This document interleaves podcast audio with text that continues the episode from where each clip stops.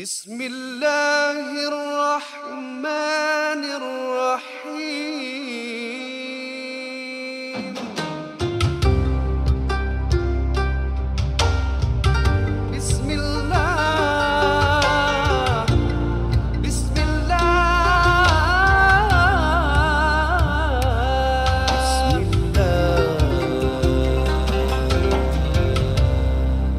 Alhamdulillah Rabbil Alamin Wassalatu wassalamu ala ashrafil anbiya wal mursalin Wa ala alihi wa sahbihi ajma'in. Para kaum muslimin muslimat yang dirahmati Allah sekalian Kita bertemu sekali lagi dalam ruangan NJU Semoga Allah SWT memberkati kita semua insyaAllah. Amin. Dan uh, bertemankan kami di sini Di Nur Rahim, Zahri Ismail dan juga yang berbahagia Ustaz Muhammad Nuzhan Semoga kita dirahmati Allah dan uh, kami mulakan dengan tahiyatul atirah. Assalamualaikum warahmatullahi wabarakatuh. Waalaikumsalam warahmatullahi wabarakatuh. Ribuan terima kasih. Kira macam aku. Ya, ya, Kira macam ya, Waalaikumsalam warahmatullahi. Kira macam imagine NGU live. Kau Ui, dekat sana, bro. kau Oh, ada habis aku kat sini, habis Ustaz Nuzan dekat atas stage. Kita ya. macam ribuan terima kasih dan uh, bagi mereka yang sedang menyaksikan jangan lupa untuk berkongsi lingkaran ini dan kita bakal bersama dengan Al-Fadil Al-Ustaz Nuzan sebentar saja nanti dan uh, saya sedang menantikan beberapa lagi soalan. Yap, terima kasih kami ucapkan bagi Ah. Oh, kalau buat live gitu. Oh, best gila. Eh bila kita nak buat eh Ustaz eh? Tak buat live lagi eh?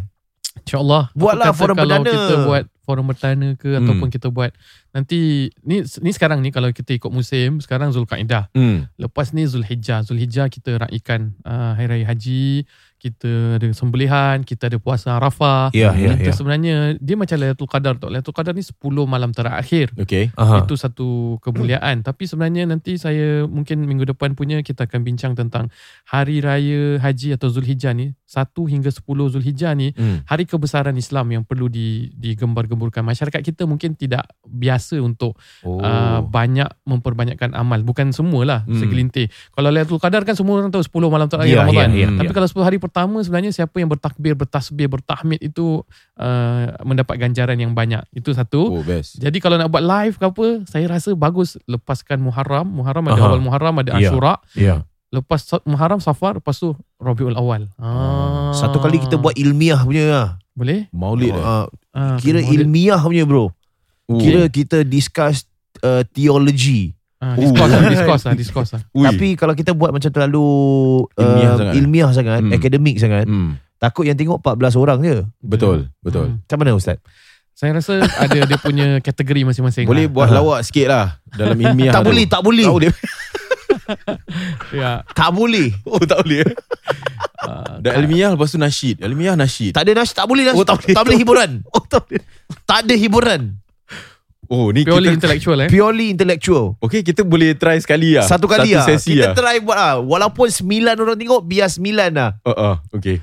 Boleh? Kita tu habis reference dengan hadis dengan you know Oh, dengan Perbincangan uh, tu perbincangan eh. gitu habis saya bertanya dari sudut macam Hmm. Uh, orang kata uh, Perbahasan sudut lah. perbahasan Hmm. ulama ni cakap ni ulama cakap tu Okay, aku okay. dah macam kasih pendalaman semua Okay. Hmm. Aku akan buka kitab balik lah. ya ya ya kita punya live depan kita semua kitab Sekejap eh, saya tengok kitab saya. Alamak, terjatuh pula. Dia banyak sangat. Yalah, boleh. Yalah, Oh itu sebenarnya satu satu perbahasan yang pernah jadi dalam perkembangan Islam. Uh. Uh, perkembangan Islam Saya ada pernah datang perbahasan dia, dia ikuti challenge. forum yang betul-betul macam dah jadi panas, dah jadi panas dia punya topik dia. Ya, macam ya, dia start ya. dengan ustaz macam tak ada Ana rasa bukan macam gini. Ana rasa dia Ada. punya hukum. oh ada eh Ada. Ada eh? Ada. Bahkan eh kalau dekat Al-Azhar tu Ya. saya pernah ikuti uh, orang yang ambil magister Hmm. uh, belum lagi doktora tau. Ya, belum lagi ya. PhD baru magister. Aha. Dia apabila dah buat thesis dia dah buat dia punya ke- kertas kerja dia Hmm. akan ada a few doctors yang akan cabar dia. Uh. Kenapa bukan pilih tajuk ni tapi kenapa kau tulis ni? Kenapa kau kutip dalil ni? I Sedangkan see dia tak sesuai. Kenapa kau gunakan bahasa ni? Kenapa tajuk ni dekat first? So you have to defend your thesis lah. oh leceh And cara defend dia tu very academic. Hmm. Jadi nampak macam orang debate secara apa serius dan faham. Dan, dan ya. emotional tapi dah habis biasa to them Yalah. it's a daily benda semata-mata untuk memartabatkan keilmuan lah amanah ilmu tu nak jaga Nak test. Jadi very uh, very apa orang kata walaupun perasaan tu ada ter, termasuk tapi dia natural. Kedua uh, pernah diambil daripada macam Aristotle punya zaman. Who? oh, Greek punya cara. Ya. So the Greek orang selalu ada ideas, ada teologi punya masalah, orang berbual lepas tu yang lain macam debate, Hmm. perbincangkan. Hmm. Bayangkan eh perbincangan pasal Zeus. Ya. Tak ada menurut kitab ni Zeus tidak memegang petir. dah, gitu. Dah gitu lah. Ya. Apa dalil dia keluar Ya, petir? ya, tak ya, ada ya. kan? Tapi orang orang lebih fikir pasal logical tau. Kalau logi, uh, Greek punya logical, I, I don't know about dia punya myth orang orang bincangkan tak Hmm, yeah, selalu yeah. logical macam adakah benda ni boleh difikir secara dalam otak kita ataupun di luar daripada otak kita? I Is, see. is it something yang impossible in the mind ataupun tak impossible in the mind? Itu yang orang discuss lah. It's Oh. lebih kepada logik-logik benda. Hmm. So kalau dalam perbendaharaan Islam ada benda ni. Ya. Ada Hmm. perbincangan. Uh, cuma mungkin zaman sekarang orang yang tak biasa nampak itu sebagai satu pergaduhan. Uh, padahal Al-Imam Syafi'i rahimahullah pernah uh, apa apa dia beliau ni pernah pernah ikutilah perbincangan seperti ini dan selalu dia sebut apa? Aku dalam perbahasan yang selalu aku harapkan kebenaran ada pada pihak lawanku. Okay. okay. Tapi akhirnya tak pernah ada Oh. orang yang dapat mematahkan hujah Imam Syafi'i.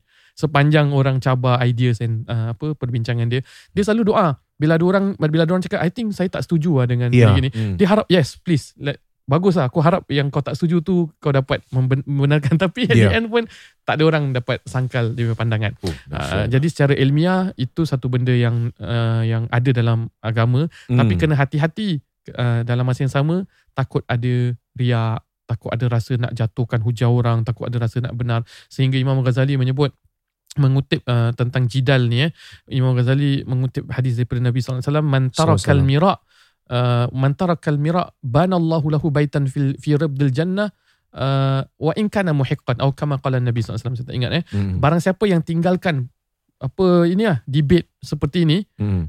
Allah akan bina rumah di perbatasan syurga di bukit-bukit syurga Hmm. walaupun dia dalam keadaan benar. Okay. Ha, jadi itu yang nak kena balance antara kita dah tahu kita dalam pihak kebenaran tapi kita tak nak debate semata-mata kita tak nak gaduh dengan sahabat kita jadi kita mengalah dengan antara nak mencari kebenaran itu orang yang kadang-kadang tak dapat bezakan. Kalau Faham. nak cari kebenaran by all means lah you debate debate debate nak cari kebenaran tapi no hard feelings. Ya. Ha, tapi orang selalu salah faham dia kata ah, ni debate-debate ni nanti aku akan gaduh, aku akan riak, aku tak kabur. Ha, itu kita kena hati-hati. Jangan sampai mengecilkan hati orang, jangan sampai merasa diri benar, kebenaran daripada pihak kita. Kerana ada hadis-hadis yang Nabi sebut, walaupun kau dalam keadaan benar, tapi aku akan binakan kau rumah dalam syurga, walaupun kau dalam keadaan benar dan kau tinggalkan per uh, sengketaan seperti ini di antara kaum muslimin. I see. Ya. Baik, saya ada wah ada soalan-soalan yang agak uh, deep eh. Hmm. Um, Eh, kita belum start lagi. Belum eh? lagi. belum belum start lagi. Oh, belum start lagi. Eh, okay. be- belum on to the show eh? Ah, belum. belum. ah, ah. Jadi Belum? ada slide, eh? Ah, belum, kan? belum. On to the show. Jadi lagi. Ah, Ah, belum ah oh, alamak ya Allah. Ya Allah. Jadi semua benda yang tidak dimulakan dengan bismillah tu kurang berkat dia. Jadi Ah. let's beli kambing eh, beli kambing. Ah, ah, jangan lupa beli kambing NGU.SG Ya, garis, garis miring miring shop, ya. Ya silakan insyaallah. And now it's on to the show.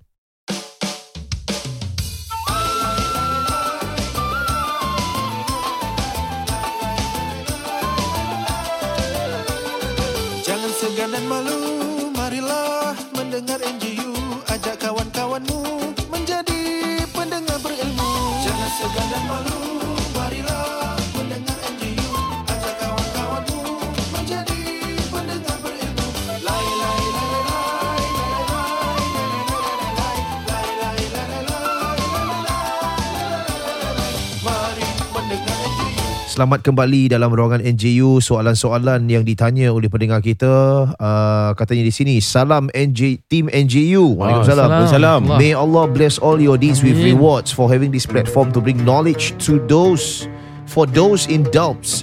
I myself am already hooked uh, on to hearing NJU podcast every time I drive. Okay, now it's on to the show. Che hihi curi lain ustaz. Okay, bismillah. Akhirnya. okay. Okay, I've been together with a fiance of mine. Fiance belum kahwin eh? Hmm. For five years, lama. including this year. Ah, tapi we got engaged two years back lah. Okay. Bertunang dua tahun. Tapi dah bersama ni tiga tahun. Mhm.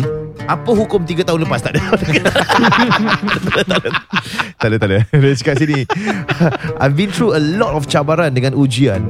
be it yang diakibatkan dengan kesilapan sendiri ataupun ujian yang diberikan oleh ilahi tapi dia tak bilang lah apa kesilapan tu Oh. It's coming to less than 90 days to our marriage. Saya ditimpa kemalangan on the road which caused a broken left thigh and torn tendon and muscle on my left forearm but I'm still thankful that Allah still give me nikmat untuk breathe and uh, breathe and uh, to see my majlis happening insyaAllah. Imagine the thoughts that's running through my head right now. Tak boleh OT, fitting kena postpone and etc. But again, Alhamdulillah, I'm still breathing lah.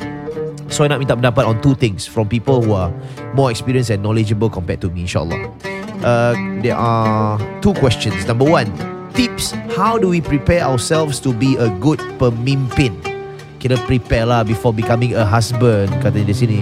Dan number two, how to maintain or how to be a good pemimpin and imam upon sah tu. Macam nak maintain satu nak prep jadi jadi seorang khalifah, jadi seorang uh, suami yang baik. Yang kedua macam nak maintain jadi pemimpin yang baik. Because these days we see a lot of young couples yang trip sikit je sebut, sebut cerai. Sikit-sikit je cerai. Nauzubillah. Like I'm terrified how easy that word could be at the tip of their tongue. Me and my tunang also comes from this young couple punya category lah. So thus my questions to insyaAllah prep both of us or me or even young couples out there to stay away from that situations or even let that word to be easily mentioned. Maaf kalau panjang sangat. Tapi should be cukup lah for 30 minutes ish podcast. Sekian itu saja wassalam katanya. Wassalam. Amiruddin eh, tanya. Okay. Tak nama ni kat sini. okay bagus Yeah. lah. Eh. Amiruddin. Amiruddin namanya. Hmm. What a good discussion. I think uh, one thing yang kita betul kan saya kalau saya salah Ustaz Hmm. like uh, I think he, the uh, the man raised a valid point. He raised a valid point. like, Brother has raised a good question. Brother has a good question. Has a good question. Uh, Right now is uh, you know is uh, in these days everybody want to nauzubillah you want to cerai. Tapi it's true. Like if you see uh, kadar perceraian di kalangan masyarakat kita lah Hmm. dah semakin meningkat. It's a one in three, if I believe, one in three or one in uh, two ish, Yeah. about a thirty percent, I would say, Yeah. ends in penceraian. Hmm. So you know, Yeah. sometimes like that statistic scares me because I'm in the wedding industry Mhm. And I'm thinking like, wow, one in three. Mhm. Uh, that's kau kadang-kadang dijemput untuk uh, not Host, eh? necessarily perform atau sometimes you're invited to come to a wedding which Yeah. means eh generally if you are invited you have received a e-card Hmm. and kau pergi to a wedding Hmm. like statistics put in play one in three event yang kau pergi will technically end up in the divorce lah it just matters how long is Yeah. the marriage gonna last that sort of thing lah I mean if Mhm. you put it into context I'm not I'm not wishing that people yang kahwin uh, end up in divorce Mm. but the reality is as such right? And I've asked a lot of macam relationship coach what what is the problem? Like I I asked, asked a lot of counselors and uh, a lot of macam experts in the field. And one of the things yang orang uh, mention is because we live in a world where uh, it's easy to uh, compare lifestyles Mhm. uh, Mm. and in in terms of ideologies Mm-mm. um, some young couples are not ready for marriage. Even the word ready for Mm. marriage is so subjective. Like when are you Correct. ready for marriage? Yeah. What is the right age? There is no right age. Is Mm. a can a 21 year old uh, get married right now and then you know see his or her uh, future last with that person for 30 years to come? It's really hard. Versus someone yang berkahwin pada usia 45 tahun pun kadang-kala dalam berapa Yeah. tahun pun mereka bercerai Correct. juga Betul. it's because uh you know there's a lot of things uh there's the financial aspect Mm-mm. you know Mhm. at, at times there's a certain expectation Correct. there's a certain expectation even in terms of uh gender roles Mm-mm. in that fact macam ada yang mengatakan uh kaum lelaki have to provide for in the family and then when when it comes to you know a, a shortage of nafkah yang diberikan Mhm. that becomes contention and we, we've seen this uh, sort of reasons being uh, you know shared Mhm. ada of course orang ketiga you know that goes without Yeah. saying uh, because of the availability of uh, ap- aplikasi-aplikasi yang ada Correct. uh, even to a point where I mean I've spoken to some lawyers about this yang uh, applications allow for people to reconnect to kekasih lama. pa- ah, kekasih lama past people dalam not say kekasih lama juga like other people who Mm, might mm. be you Yeah, know of interest to same, you Yeah. And Eh. it's just macam it, it puts things into uh, perspective you know, at times I I sit down and think, like when we get married to someone, how sure are we yang itu adalah jodoh sebenar-benarnya? Like there's six Ui, seram bi- six Yeah. billion people around the world. And and and Right? plus uh, to the extent tadi uh, Zah mentioned about uh, is it uh, because of financial issue ke uh, dan sebagainya and uh, to the extent ada satu member Mm-mm. member aku ni dah sekolah lama sekolah rendah Mm-mm. uh, dia berpisah dengan isteri dia Yeah. secara baik Yeah. sebab dah tak ada rasa sayang itu Yeah, je yeah, yeah, yeah, as yeah, simple as that dia bukan sebab nak gaduh dia cakap eh tak aku bukan gaduh dengan bini aku ke apa Amicable lah. Ah, it's just the simple macam ah, I rasa kita dah tak ada lagi kasih sayang. I think kita split, kita jadi best friend je. And that's it. Yeah, and I As believe simple macam sometimes they Hmm. discover new people with Mm. similar interests. Interests change. Yeah, all Dan times. uh, people's behavior change. Mm. A 21 year old me might not be the same as a 35 year old me. Yeah, yeah. And then as as uh, as our personalities evolve, as we get interested in other things, there are other individuals that might be that we might be attracted to, and we might feel that maybe this is the right person to settle with. You know, and that in, in itself cause uh, you know, like a communication. Lepas tu, ia berlaku. You know, we, we've seen a lot of these reasons in play, and I, man, my gosh, in how to say money pun boleh menjadi masalah. Bill Gates recently ah, bercerai bro. atas uh, you know uh, perkongsian yang dia have allegedly have an affair dengan one of the employees, right? Mm. Uh, in, in his particular company. So, wah, he's really like it, the times have changed. Betul. Uh, the advices of the old, you know, back then when I was uh, datang dengan ustaz-ustaz ustazah yang lama-lama, Mm. they give Mm. this sort of Uh, ideas Yeah. that this is how marriage should work. And then Mm. when you sit down in this day and age, you sit down and you think like, are, are those ide- ideals still in play Betul. with a different landscape altogether? Yeah. And I feel, you know, macam mana nak jadi pemimpin yang baik? Oh, that's such a loaded question, man. Who has the answers? Correct. Betul. Adakah kita pemimpin yang baik? Man, Yeah. aku tak berani saya cakap macam tu. Ah, yeah. I'm sorry, saya tak saya tercakap sia. Oh, oh. Ya. Sia, tak boleh. memang memang bukan pemimpin yang baik tu. You get me? Like, like even even when young And again, people, it's subjective, bro. yeah, it's Yeah, really to hard, be- man. Yeah. Yeah. It, it, itu itu I don't yang, have the answers. itu yang sebenarnya saya pun rasakan sekarang. Uh, there's a lot of spectrum to to masukkan tentang ciri-ciri kepimpinan, tanggungjawab, uh, konteks zaman sekarang.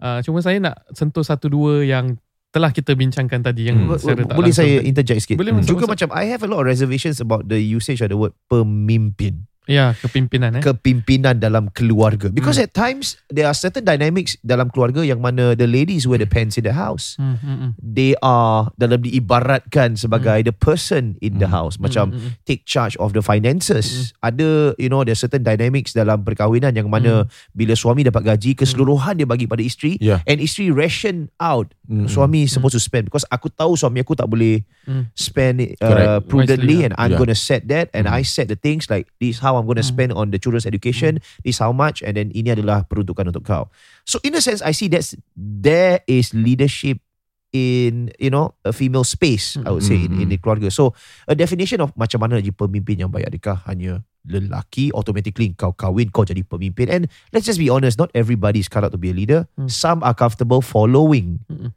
dan adakah mereka juga been pushed in that position where you are now a leader Hmm. you know Okay. Ya, pasal Hmm. pasal leadership is also a big topic yang kita Yes. boleh perbincangkan juga. Uh, kita go for the question. Dia ada dua question kan apa Yeah. ben- ciri-ciri yang nak dipersediakan. Mm. Dan tadi dalam uh, introduction dan juga pandangan both of you tadi, saya perasan ada beberapa perkata, perkara yang mungkin as takeaways lah. Mm. I totally agree. Ada a lot of thing to discuss about preparation, about leadership, about sesuatu yang walaupun kita dah cakap semua pun doesn't really apa guarantee kita punya marriage will work. Ah. doesn't really guarantee kita punya jodoh berpanjangan dan bahagia dan menjadi pemimpin yang baik. Tapi persediaan-persediaan ni dari segi agama dan dari segi pengalaman dan apa yang telah dibincangkan saya akan cuba sentuh. Pertama tadi ada sebut tentang uh, in today's era orang banyak buat comparison. Mm. Uh, subconsciously dia tengok IG orang, Facebook orang and Yeah. then dia dah lepas 2 3 tahun dia tengok apa pasal orang dah ada kerjaya, rumah, tampil bahagia, asyik posting happy kan. Mm. Uh, ini ini satu benda yang saya pun nak nasihatkan pada pasangan jangan kita mudah terkesan. Semua orang ada dia punya uh, masing-masing punya pace pace masing-masing. betul uh, dia punya cara masing-masing dan kita sebenarnya kena ada own target Mm. so kalau kita ada own target apa yang kita nakkan uh, apa yang you nak dalam masa lima tahun ni sebagai suami sebagai isteri yang you rasa you boleh capai yang you boleh bahagia Mm. itu sebenarnya Uh, it's a meaningful thing it doesn't has uh, apa mesti apa kita dah ada stability semata kita ada kerjaya kita ada rumah kita pergi luar negeri kita dah ada anak kita ada kereta sendiri it doesn't really have to go there it can be kita lebih memahami satu sama yang lain dan lebih mudah mengalah Contohnya. Mm, mm, mm. kan kita lebih menghargai ibu ayah masing-masing. Kita lebih uh, dekat dekatkan diri kepada Allah Subhanahu Wa Taala uh, dan hubungan kita dengan Allah. Jadi kita kena set that thing. Lepas tu baru kita pecahkan. Oh okay lepas tu kita dapat solat jemaah contohnya. Kalau kita rasa dekatkan diri dengan Allah kita dapat lebih sabar dapat lebih memaafkan satu sama yang lain. So set that thing. Because kalau kita kosong, kita tak ada that target ataupun tak ada sesuatu yang kita look forward, itu mudah kita buat uh, comparison ataupun subconsciously kita buat comparison. So bila dah ada, kita tahu kita dah capai, kita move towards that, kita on the track ataupun tidak kita muhasabah dan bila perlu kita celebrate milestone even.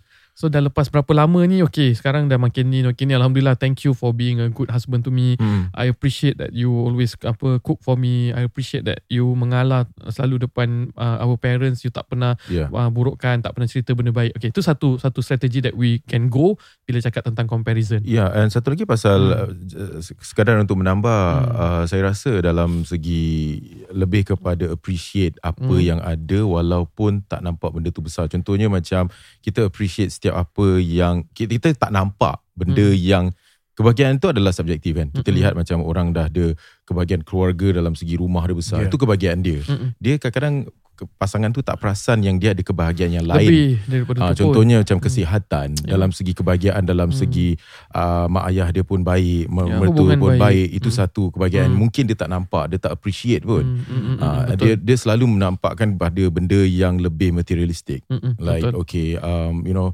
buying branded goods, uh, suami kerja Hmm, gaji ya. besar, isteri kejayaan seperti itu, Ya. dan itu mungkin menjadi satu comparison yang Hmm. saya rasa tak tak wajar lah Ya. untuk diletakkan. Mm. Which is not wrong lah totally to have that that kind of apa kejayaan sebagai milestone tapi masing-masing ada cara masing-masing sendiri lah. Mm. jangan kita force on to uh, kita punya situation dengan orang lain punya uh, I takut pula nanti orang-orang lain dah sampai berjaya tu semua kita Yeah. rasa tu bukan bukan kejayaan itu kejayaan juga Mm. Uh, cuma dalam rumah tangga saya pernah simpulkan, saya pernah buat satu posting dulu. Kita simpulkan uh, pendidikan itu satu kejayaan, apa uh, ekonomi satu kejayaan. Itu semua satu kejayaan. Mm. Satu kayu ukur kejayaan. Dalam Islam pun mengiktirafi. Nabi pernah sebut uh, di antara nikmat hidup di dunia rumah yang luas, kenderaan yang baik, Mm. jiran yang baik. Bermakna benda-benda ni Islam iktiraf. Jangan kita rasa macam this is un-Islamic to have apa gaji yang banyak, rumah Betul. yang besar, Yeah, kereta yeah. yang it is Islamic. It is part of a, successful thing. But uh, keutamaan dalam kejayaan adalah satu bentuk yang kita tak boleh lari adalah apabila suami isteri saling mengasihi, saling memelihara satu sama lain, saling jaga perasaan, especially the emotional part. Sometimes benda-benda keperluan ini Hmm. dia boleh tertutup ataupun di di apa dimaafkan ataupun kita sebutkan apa eh ditampung kekurangan daripada sudut uh, ke, apa kewangan dari sudut uh, kebendaan ditampung oleh emosi. Mm. So I I just feel Hmm. Macam in this day and age there's a lack of compromise. Hmm. People rarely make concessions with one another Mm-mm. because we are in an age where uh, which is not wrong uh, mengatakan oh ni hak aku Mm. Like it, this is my right Mm-mm. not say your right to nafkah or whatever yes that's a Yeah, god given yeah, right betul. uh, the right to for example an opinion Hmm. in certain in certain forms like I, I, and and and to allow for a compromise is seen as a weakness Oh. As simple as making decisions in the house. Ini Yeah. saya bercakap berkenaan dengan you know the circles of friends yang uh, yang I come Yeah. from and the problems that they share. Okay.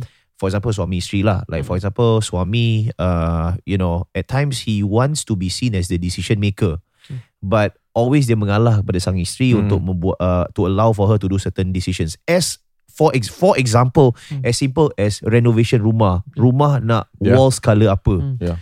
and there might be two differing opinions. You know, wife might be minim- minimalistic and she wants a more wide open space kind of Mm. concept. Yeah. Uh, the guy wants a bit more uh, Melayu tinge. I want it to be green walls, for Ada example. Kayu-kayu banyak. yeah, Ah, maybe Mm. and and and to come to a compromise you you must understand that you have to give up something that you want Mm. untuk luahkan and Mm. and I feel uh, acknowledge that compromise yang telah pun dilakukan oleh your partner and that's really hard to do Eh, ah. I- susah, eh, susah, just just to say macam Appreciate. number one susah nak to like okay ah kita ikut what you want Hmm. And number two susahnya for that partner to say thank you. I know that you really want this, Yeah. but for you to allow for me to do this, I think that's really sweet of you. Mm. Yeah, because I really want this, uh, and then you know, and and I feel a lot of macam uh relationships they they they fail because of this lack of compromise. Like I want this, and uh, to a sense where I've I've heard of some friends yang berpisah Mm-mm. oleh kerana they were not able to make certain decisions. Mm. And when they seek out another partner Hmm. yang macam scandal ke apa Mm, whatever mm, mm. that that other partner allows for Mm. that person to make the decisions Yeah.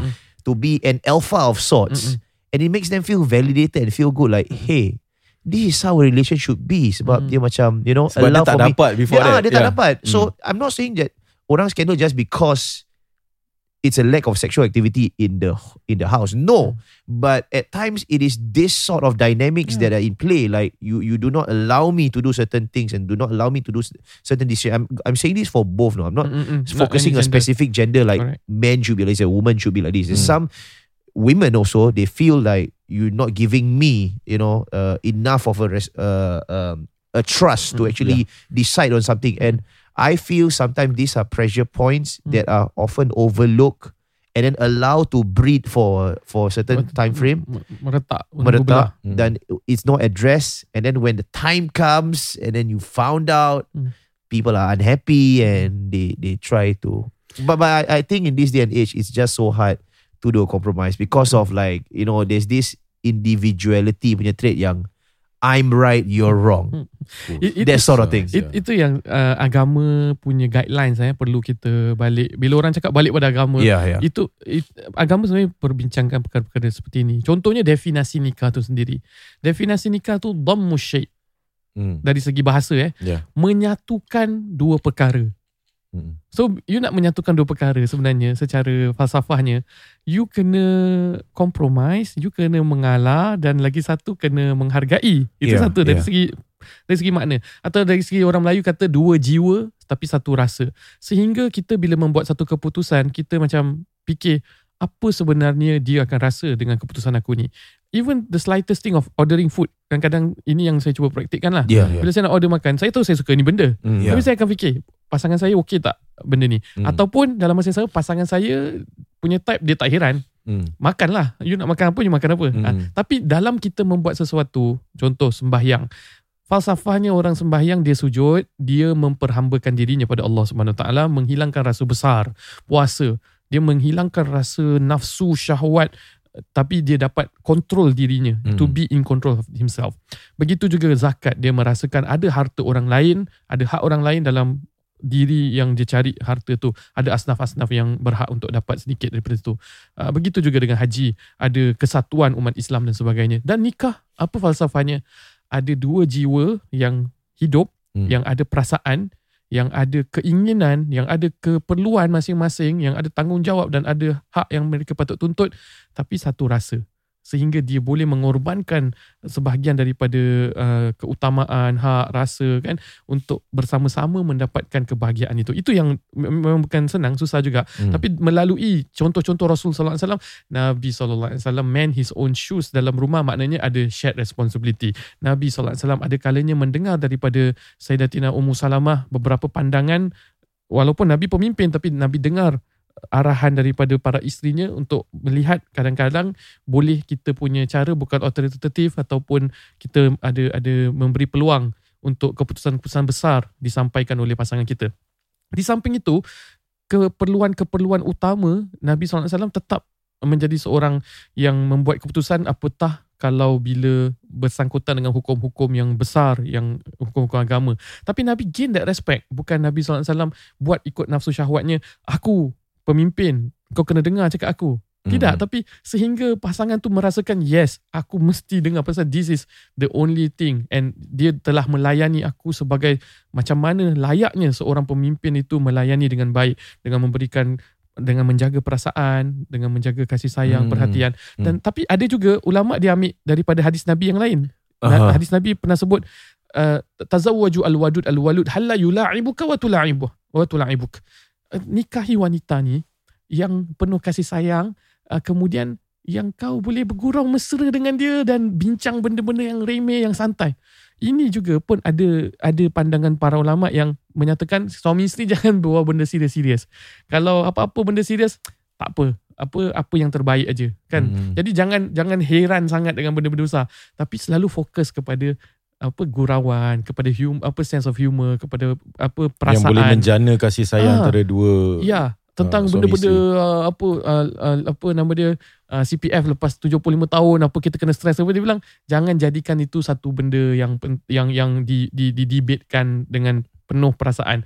Uh, jadi maknanya apa yang baik ambil je. Apa yang baik pasangan daripada lelaki ke perempuan ke siapa ke go je go je go je. Tapi fokus untuk membina perasaan dan kasih sayang. Ada yang gunakan cara tu jugalah. Hmm. Tapi bukan bermakna kita jangan ada perancangan, jangan fikir benda-benda serius, jangan ada cita-cita. Tidak. Hmm. Tapi Ya. fokusnya adalah pasangan kita tu orang yang kita jangan lupa elemen apa ketenangan dengan elemen kemesraan Hmm. di samping kita nak cari keputusan yang terbaik Ya. untuk anak-anak, untuk keluarga, untuk hidup.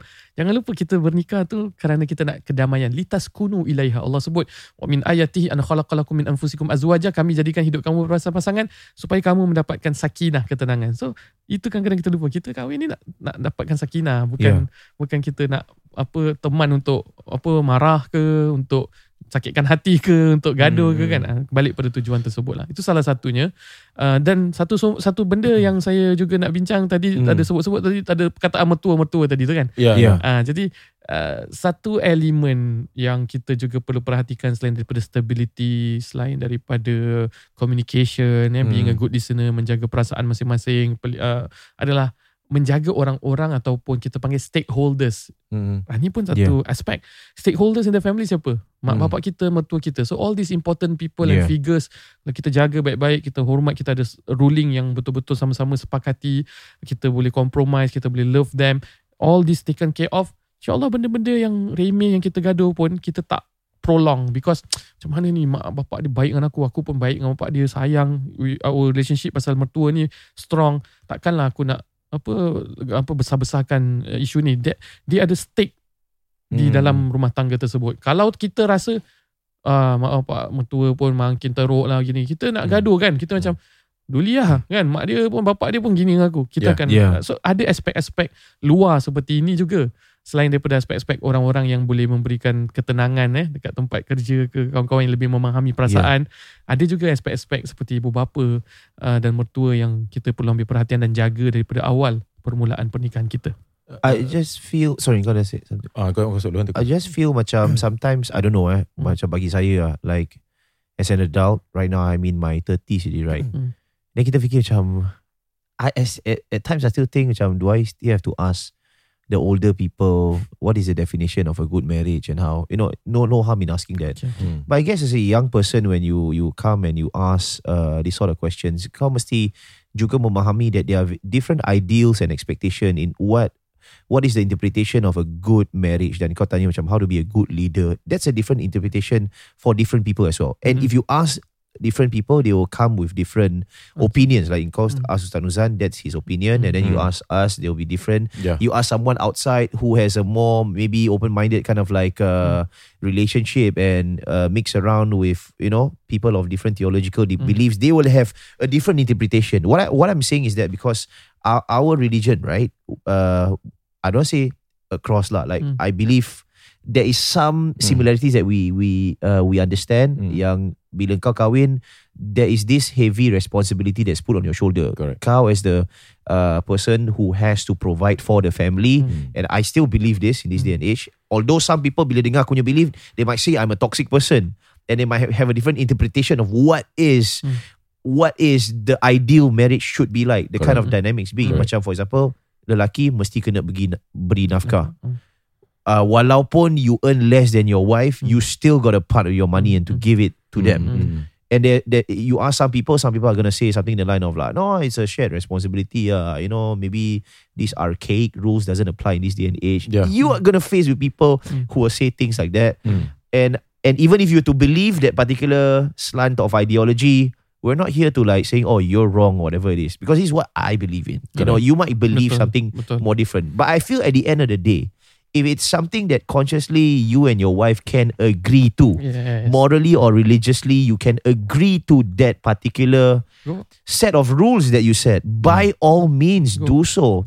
Because if you were to live for other people's expectation, you will never find yourself at ease. Dan kau tak akan pernah rasa, oh, I'm not good enough of a person. Because I feel every family, there is no perfect dynamics. Mm. None. There are some families who are more maybe female orientated Yeah. they come from a more matriarchal kind of like uh um mindset Mm. yang mana the women are the one who should be who should be bossing around Mm. men should be submissive in a particular family and that works for them and some men are okay with that For- suka yeah, lah for example, we have families where the men are house husbands and you know Yeah. and it's perfectly okay Mm-mm. kind of thing but of course i don't know in the court of law in the court of sharia how that works out i don't know Mm, mm, mm. Mm. but I have had that conversations Mm. before with someone who had this kind of dynamics and they're perfectly happy Mm. couple.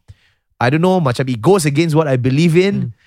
Kau faham tak? Itu kira Like- kan like- macam secara naluri orang boleh match that that yeah, perangai, yeah. is it? So yeah. um, they they are macam uh, the women in their family are the sole breadwinner. Mm. Diorang keluar bekerja and then Mm. they also as the mother Mm. tapi kat rumah yang menjaga household is the is the husband. yeah. And then they they shared. Aku have had these conversations before and then uh, I was saying macam bro kau boleh eh tinggal kat rumah. Mm. Yeah, I mean at the end of the day, takkan aku nak hire maid. Like for me, we don't need a maid. I believe in educating my own kids. Yeah. And it was a re- it was at the end of the day uh, a discussion whether I should uh, berhenti kerja ataupun my wife should berhenti kerja. But my wife uh, earn more than me, bro. Hmm. So it doesn't make sense if she berhenti kerja. So aku berhenti kerja dan aku jaga anak-anak. Hmm. She brings home the uh, brings home the bacon in that sense metaphorically. Yeah. Aku jaga anak-anak.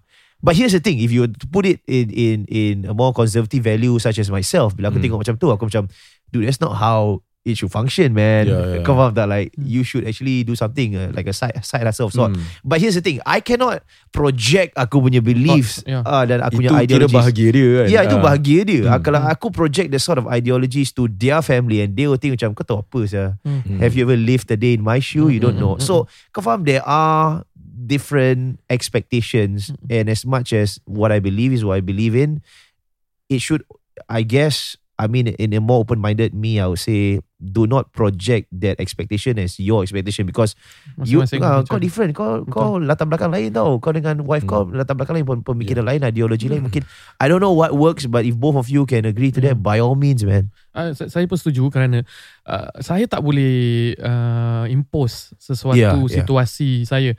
Kadang-kadang orang cakap, "Ah, you boleh lah apa you saya, saya tak boleh cakap. Yeah, saya yeah, yeah. boleh. Saya seorang kerja.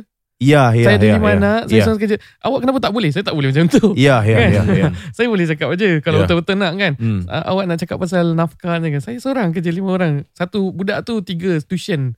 Empat-empat budak tu. Hmm. Tapi adakah benda tu yang kita kita nak sebutkan tentang agama atau tentang hala tuju bagi memberikan pandangan pada orang tidak so Islam sebab itu menyebutkan hak dan tanggungjawab Aha.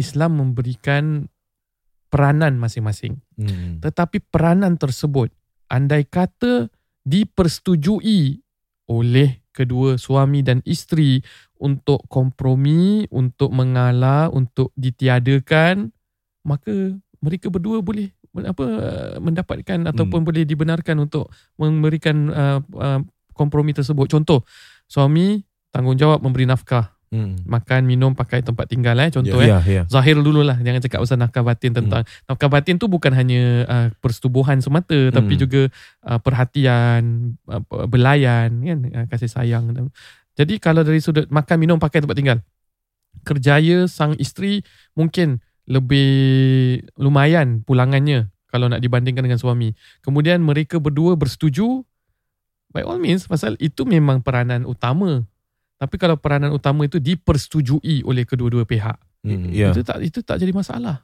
Itu jadi Hmm, masalah juga aha. dalam agama pun. Cuma agama punya default kalau tak persetuju masih balik pada default. Ya. Ha, Kalau macam isteri kata no I, I tak setuju walaupun gaji I gini saya lebih suka duduk dekat uh, apa kerja yang ringan-ringan kat rumah.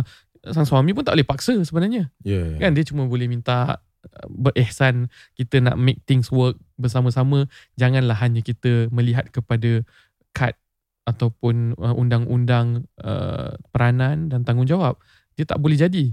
Mm-mm. peranan dan tanggungjawab kalau asyik-asyik ini hak saya ini hak saya ini hak saya ni kan dia pun tak boleh jadi dalam marriage. Dia mesti ada al, apa mengalah terhadap hak yang di ber- direla untuk dilepaskan dan ada yang nak memberi. Jadi konsepnya masing-masing nak kejaya nak menjayakan rumah tangga ni masing-masing lihat kepada Yeah. apa yang dia nak beri lebih daripada menuntut hak tu tersebut Mm. Ya. Yeah, I mean, I just want to say that even bila kau dengar, yeah, I'm talking directly to the listener. Eh. Bila Yeah. kau dengar Ustaz Uzan ceritakan macam ini pun, dia akan ada puak-puak yang mengatakan, ah, that means, uh, you know, dia, uh, this particular platform, dia tak commit to a particular role.